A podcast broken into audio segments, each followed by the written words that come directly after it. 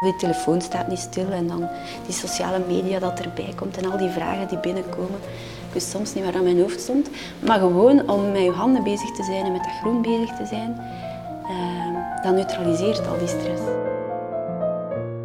Als ik vorige zomer in Frankrijk op vakantie was en ik zie er al die mooie bloemen, en dat gaat dan over wilde bloemen in dat geval, en ik denk van, wauw, hier groeit gewoon zoveel moois. En in België ook, er groeit zoveel moois. Het zuiden komen? Waarom moeten dat allemaal tropische, tropische bloemen zijn?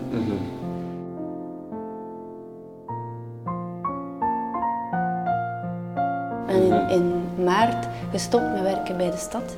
En ben in mei gestart met Blom. En dat is gewoon blijven gaan. Dat was zo'n rollercoaster, dat was fantastisch. Ja, ik las, uw, uw eerste dag was zo'n moedertjesdag, en dat al meer dan 100 boeketten verkocht had. Ja, ja, ja, ja.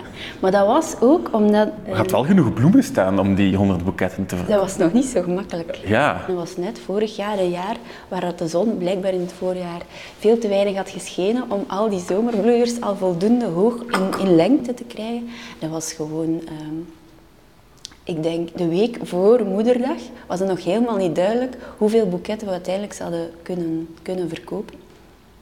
Dus die verkoop is dan gestart. Eerst dachten we van, ja, maar 20 boeketten kunnen, kunnen zijn, maar dat zijn er dan toch al 20. Ehm, ja, en dan is de verkoop gestart en dan kreeg ik ook bericht van, van de telers van, ja, de zon, hè, het is hier, ehm, het, komt goed. En uiteindelijk eh, hebben we er inderdaad meer dan 100 kunnen, kunnen verkopen.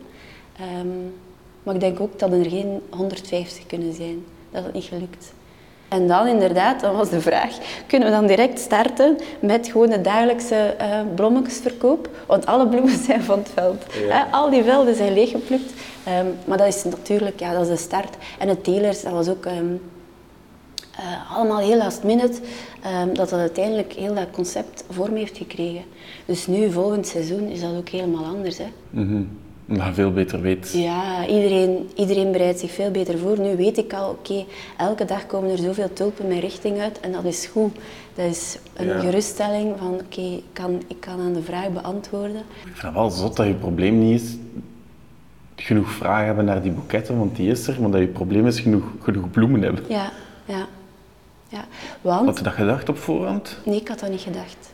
Eigenlijk dacht ik, eh, ik als, als bloemenliefhebber, ik, vind hier, ik kan hier niet de juiste, de juiste bloemen eh, vinden op de markt. Of ik moet echt naar een boerenmarkt, eh, naar een, een biowinkel.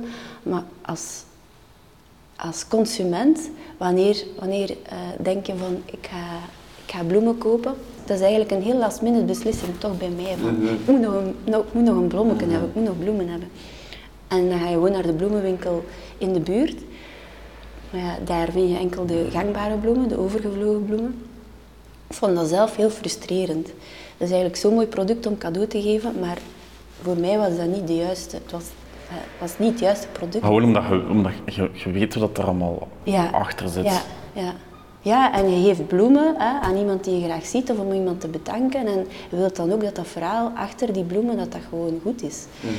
Dat dat zowel sociaal als ecologisch gewoon klopt. Ja. Ja, als ik erover las, ik schrok er een beetje van dat dat niet zo was eigenlijk. Ja, veel mensen. Veel mensen. En ik denk... ehm, Dat ziet er niet uit alsof dat vrij bespoten is, dat is zo schoon. Nee, dat is de natuur. Ja. Maar dat is gewoon de natuur, maar dat is net het absurde daaraan.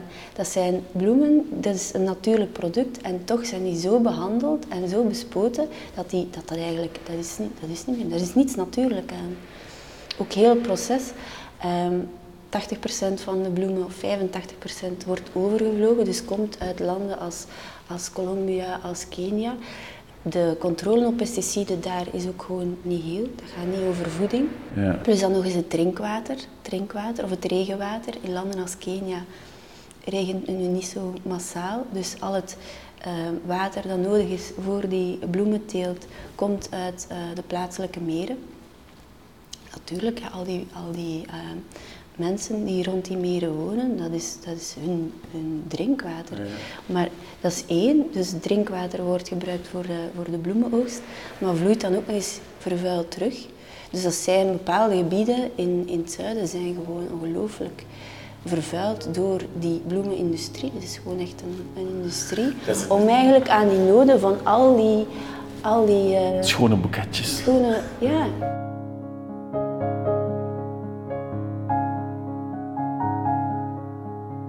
Kunt denken, mensen zijn enthousiast, mensen, er is een bepaalde klasse of bepaald segment van, van de Gentenaars die daar inderdaad ook een budget voor over heeft, hè, voor snijbloemen, maar niet iedereen.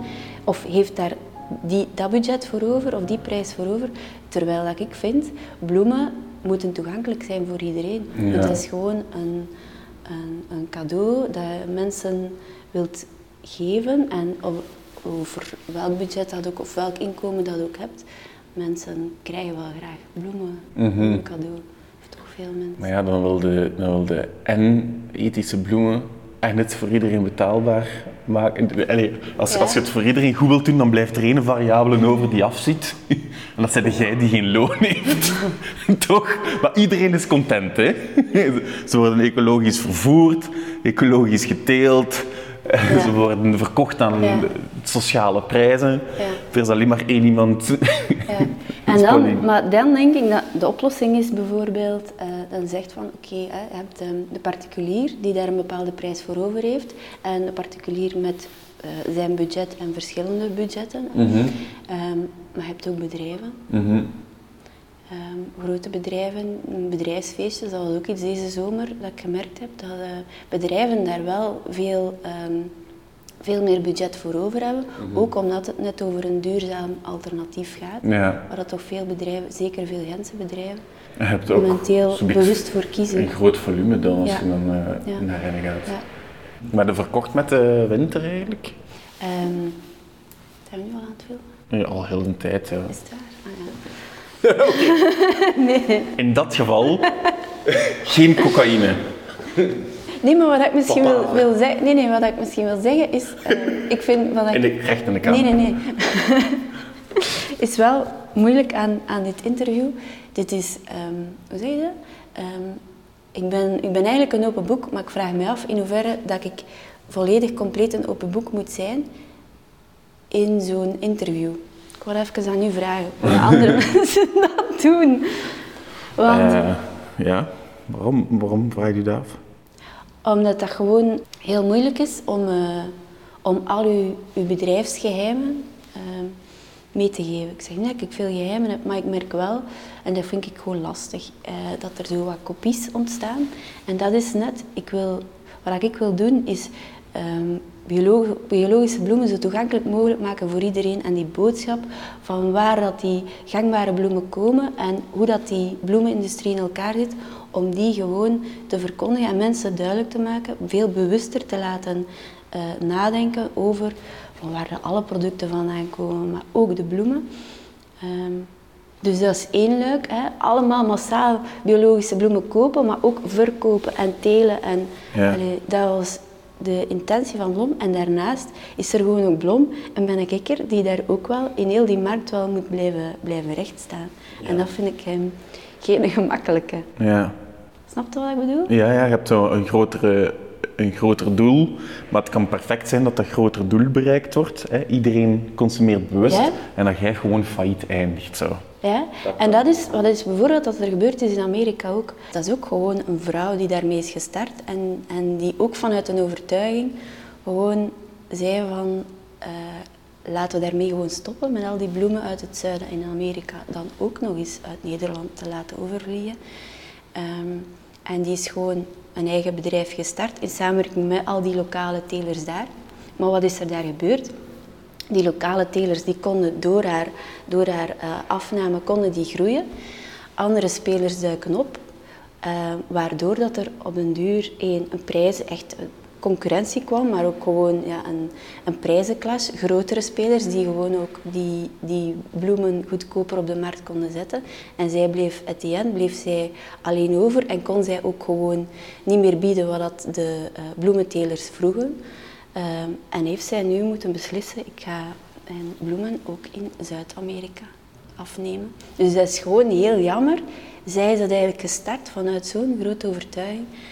Dus dat is zo een heel, iets heel delicaat. Ehm, vanuit een overtuiging iets opstarten en dan uiteindelijk ja, aan het einde wel weer alleen overblijven, omdat er gewoon spelers zijn met veel meer geld en veel meer macht of veel beter kunnen onderhandelen. Of, Maar ze zou ook kunnen stoppen toch? En zeggen van het, is, het doel is gelukt. ja.